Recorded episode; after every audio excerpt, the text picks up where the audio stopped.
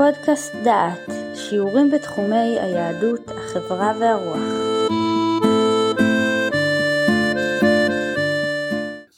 אנחנו ממשיכים בקורס על רטוריקה.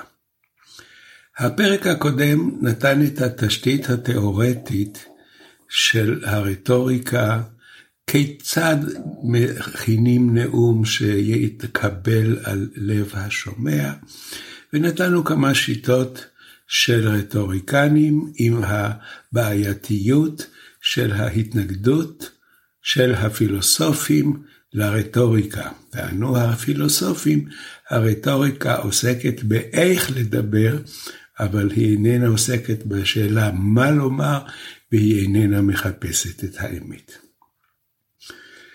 בפרק זה נשמע שלושה נאומים משלוש תקופות שונות בהיסטוריה, נאומים שנצרבו בתודעה של בני אדם. מדבר עליכם יהודה אייזנברג, ואני מקווה שתיהנו מן הדברים.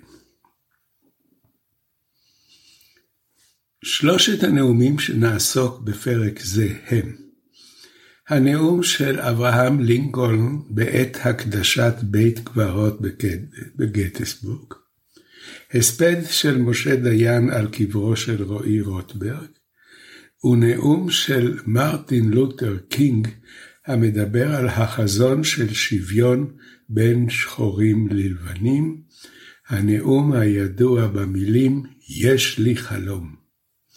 מטרת הנאומים האלה היא להניע את הלבבות, לגרום להם לשנות עמדה ולהזדהות.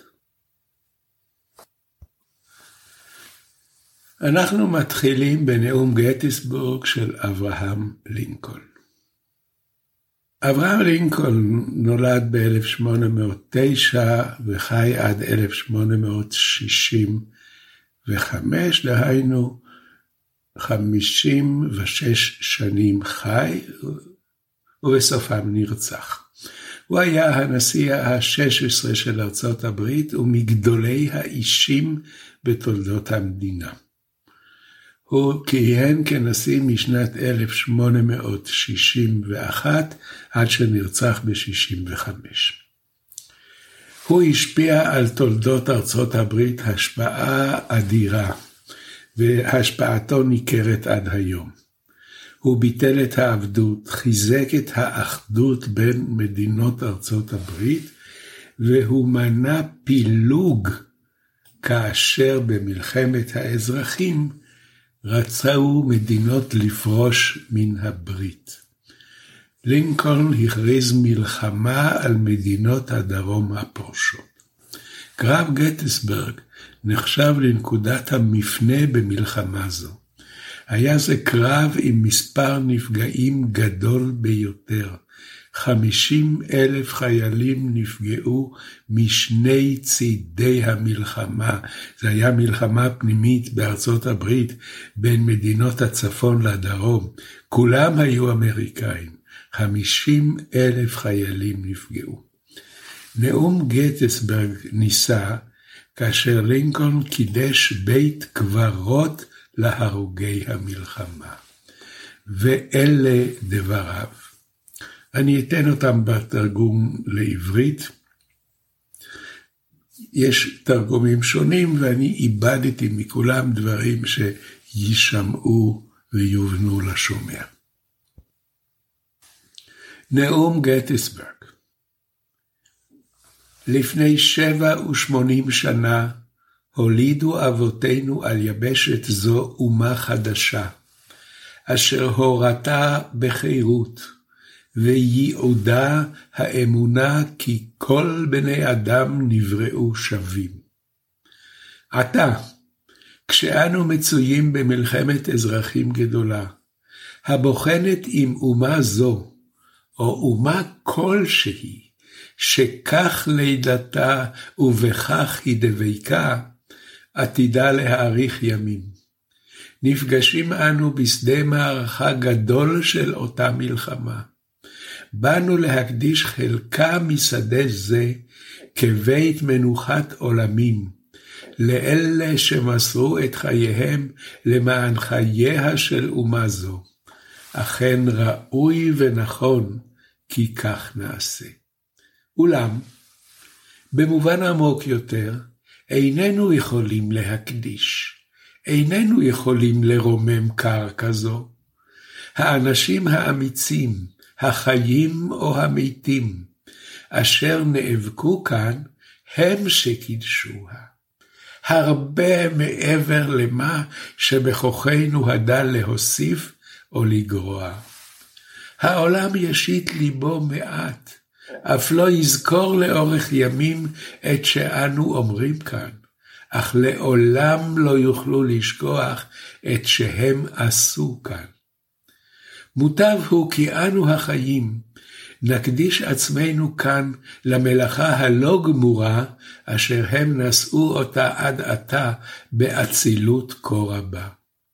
מוטב כי אנו כאן נקדיש עצמנו למשימה הכבירה, הניצבת עדיין בפנינו, כי ממתים עטורי תהילה אלה נשאב מסירות רבה יותר למטרה שבעבורה נתנו הם את נפשם. כי נדע שמתים אלה לא לשווא מתו. ומה זו, תחת האל, תזכה ללידה חדשה של חופש, וכי ממשלה של העם, על ידי העם, למען העם, לא תכלה מן הארץ. נסכם עכשיו את הנאום הזה על פי העקרונות ששמענו בשיעור הקודם. האידאה המרכזית שהיא עומדת כהנחה שאינה לדיון, כל בני אדם שווים. השאלה המרכזית שלינקולן מעמיד למבחן ההיסטוריה, האם אומה שדבקה ברעיון שכל בני אדם שווים, יכולה להאריך ימים? והוא מציב משימה כבדה הניצבת בפנינו. לנצח במלחמה ולהשליט את הרעיון על שוויון בני אדם. והוא מסיים בתפילה. ממשלה של העם, על ידי העם, למען העם, לא תכלה מן הארץ. אני רק רוצה לסיים את הנאום הזה באנקדוטה מעניינת. בטקס של הקדשת בית הקברות נאם עוד מישהו, אדוארד אברט. הוא נחשב אז לגדול הנאומים בארצות הברית, והוא נאם נאום ארוך אחרי לינקולן. כאשר לינקולן סיים את נאומו, אמר לו אברט, הלוואי שהייתי מצליח להביע בשעתיים את הרעיונות שהצלחת לבטא בשתי דקות.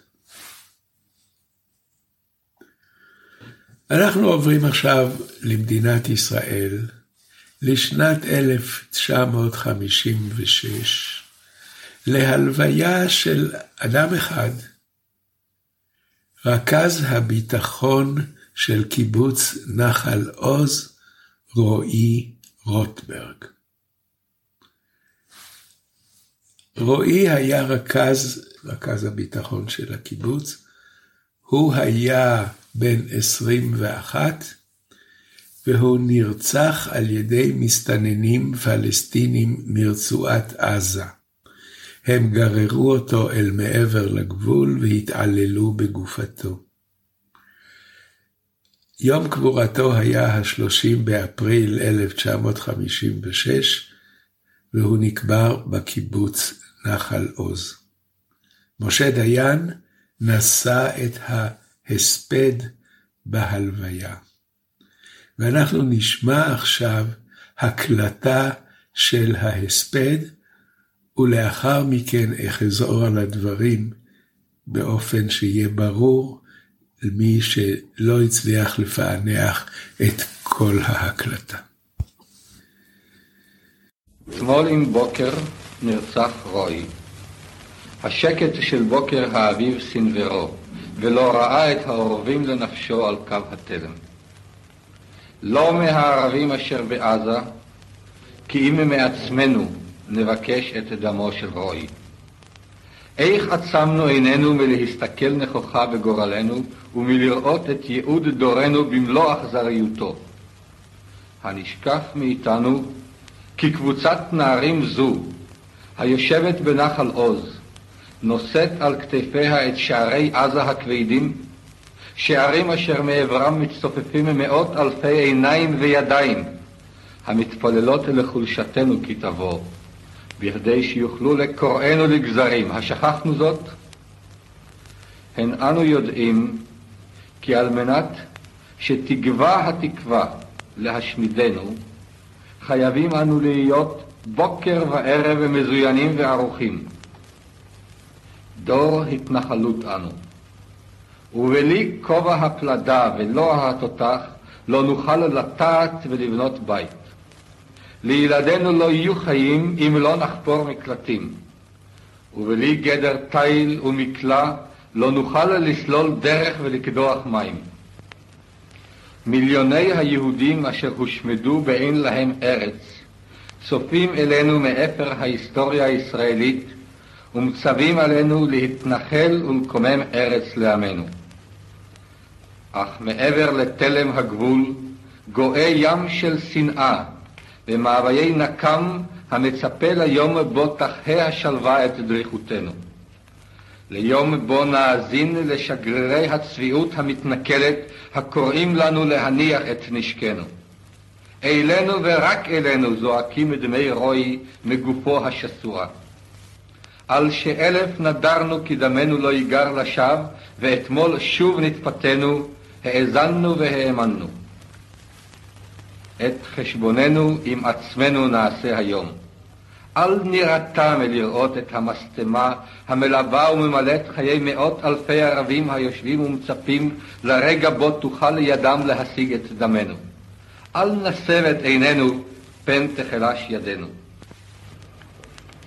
זו גזירת דורנו, זו ברירת חיינו, להיות נכונים וחמושים, חזקים ונוקשים, או כי תשמט מאגרופנו החרב וייכרתו חיינו.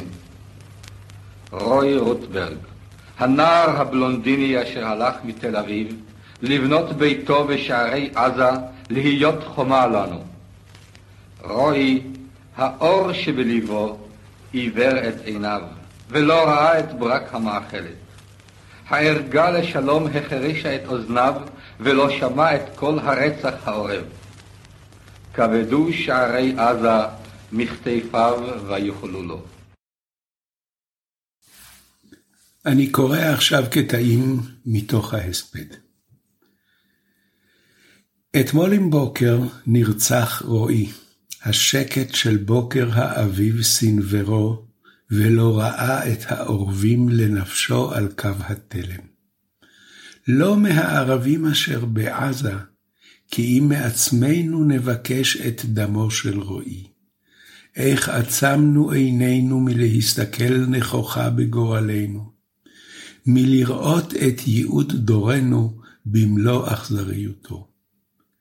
הנשכח מאיתנו, כי קבוצת נערים זו היושבת בנחל עוז, נושאת על כתפיה את שערי עזה הכבדים, שערים אשר מעברם מצטופפים מאות אלפי עיניים וידיים המתפללות לחולשתנו כי תבוא, בכדי שיוכלו לקוראנו לגזרים. השכחנו זאת? הן אנו יודעים כי על מנת שתגווע התקווה להשמידנו, חייבים אנו להיות בוקר וערב מזוינים וערוכים. דור התנחלות אנו, ובלי כובע הפלדה ולוע התותח, לא נוכל לטעת עץ ולבנות בית. לילדינו לא יהיו חיים אם לא נחפור מקלטים. ובלי גדר תיל ומקלע לא נוכל לסלול דרך ולקדוח מים.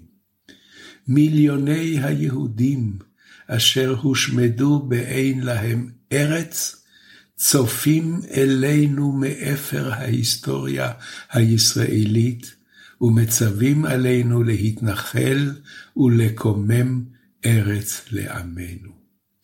זו גזירת דורנו, זו ברירת חיינו, להיות נכונים וחמושים, חזקים ונוקשים. או כי תשמט מאגרופנו החרב, וייכרתו חיינו. רואי, האור שבליבו עיוור את עיניו, ולא ראה את ברק המאכלת. הערגה לשלום החרישה את אוזניו, ולא שמע את כל הרצח העורב. כבדו שערי עזה מכתפיו, ויוכלו לו. הנאום הזה נמצא באינטרנט במקומות רבים, וחיפוש פשוט בגוגל יביא לכם שלל כישורים ותוכלו לשמוע את הנאום ואת ההקשר של הנאום הזה בסביבתו. אנחנו עוברים עכשיו לנאום השלישי. זהו נאום החלום של מרטין לותר קינג. אני אביא קטעים מן הנאום, אני אביא גם משפטים בודדים כהקלטת הנאום עצמו ותגובות השומעים. תחילה סיפור המעשה.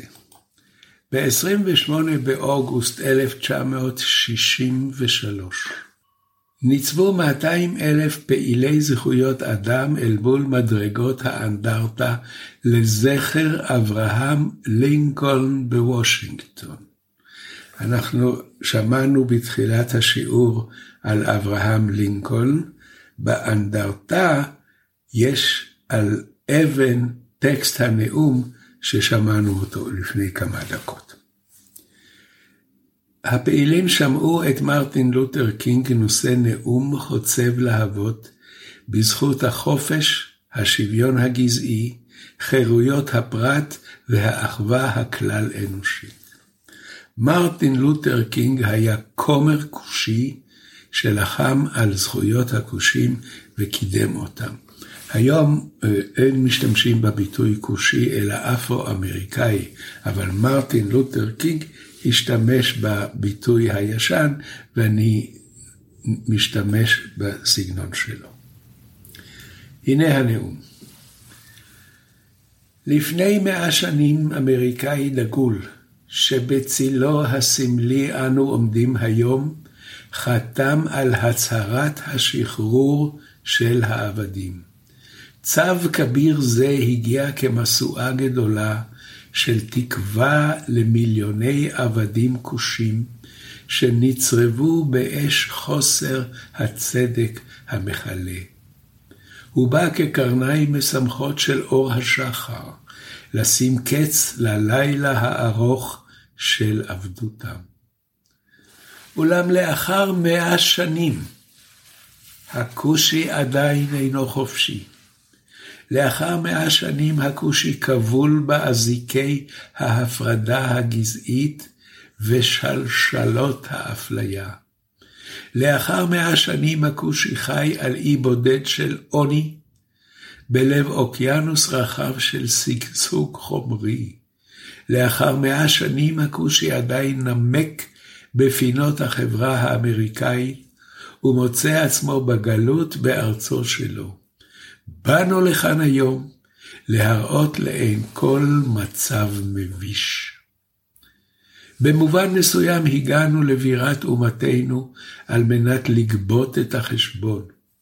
כשהאדריכלים של הרפובליקה שלנו כתבו את המילים המרהיבות של החוקה ואת הכרזת העצמאות, הם חתמו על שטר שכל אמריקאי יורש אותו. שטר זה היה הבטחה שלכל בני האדם, כן, לשחורים כמו גם ללבנים, תוענקנה הזכות לחיים, עושר וכבוד. אמריקה מקיימת התחייבות זו לפי צבע אזרחיה. במקום לכבד מחויבות קדושה זו, אמריקה העניקה לכושים המחאה שחזרה מסומנת צ'ק ללא כיסוי. אנו מסרבים להאמין שבנק הצדק מרושש. אנו מסרבים להאמין שאין בכספות ההזדמנויות הגדולות של אומה זו כסף כדי לפרוע חוב זה. הגענו על מנת לפדות את ההמחאה שתעניק לנו את עושר החופש וביטחון הצדק. אל נא נתפלש בעומק הייאוש. אני אומר לכם, ידידיי, למרות שאנו ניצבים בפני הקשיים של היום ומחר, עדיין יש לי חלום. זהו חלום המושרש עמוק בחלום האמריקאי. אני אשמיע עכשיו דקה אחת של הקלטה מהנאום "יש לי חלום". בהמשך אני אביא את הדברים בעברית. גם אם אינכם שולטים באנגלית, שימו לב לריתמוס ולמשפט החוזר שהפך להיות סמל למאבקו של מרטין לותר קינג ולקולו הרועם I have a dream that one day this nation will rise up and live out the true meaning of its creed. We hold these truths to be self-evident that all men are created equal. I have a dream that one day on the red hills of Georgia, sons of former slaves and the sons of former slave owners will they be able to sit down together at the table of brotherhood. I have a dream. My four little children will one day live in a nation where they will not be judged by the color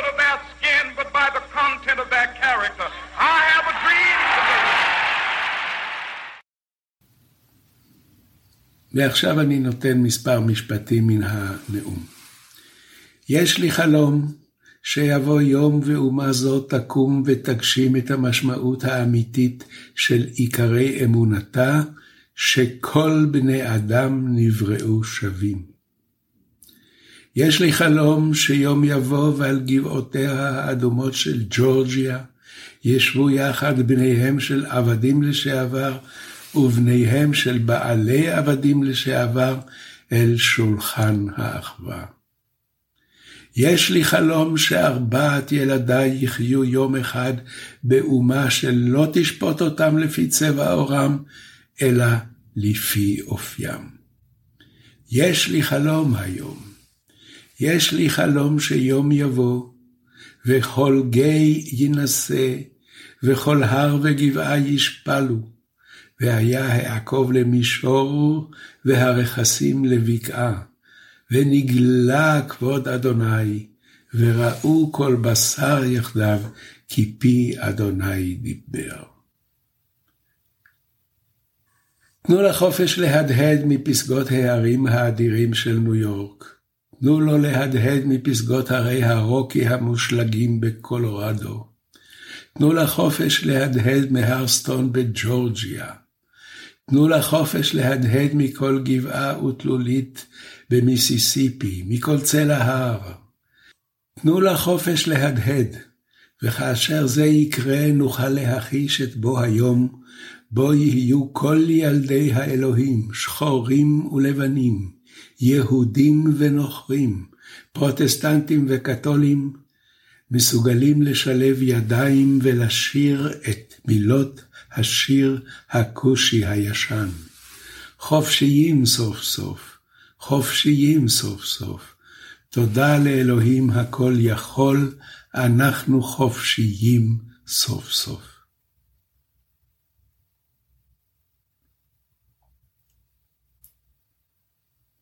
ועכשיו אני עובר לנאום האחרון של מרטין לותר קינג, והסיפור הוא סיפור עצוב. ביום שלישי לרביעי 1968 נאם קינג בנאומו האחרון, וכך אמר: אני לא יודע מה יקרה עכשיו, ימים קשים עומדים לבוא, אבל לי זה לא משנה. אני הייתי על פסגת ההר, ולא אכפת לי. כמו כל אחד אני רוצה לחיות חיים ארוכים. אריכות ימים חשובה היא, אבל אני לא מודאג מעניין זה עכשיו. אני רק רוצה לעשות את דבר האלוהים. והוא הרשה לי לעלות על פסגת ההר, משם ראיתי את הארץ המובטחת. ייתכן ולא אגיע לשם איתכם, אבל אני רוצה שתדעו שאנחנו כאנשים נגיע לארץ המובטחת. אני כל כך מאושר הלילה, דבר אינו מדאיג אותי, איש אינו מפחיד אותי, עיניי חזו בתפארת בואו של האל. למחרת נרצח מרטין לותר קינג.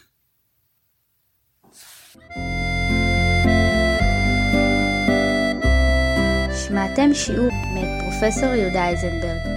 את הקורס המלא וקורסים נוספים ניתן לשמוע באתר דעת במדור פודקאסט.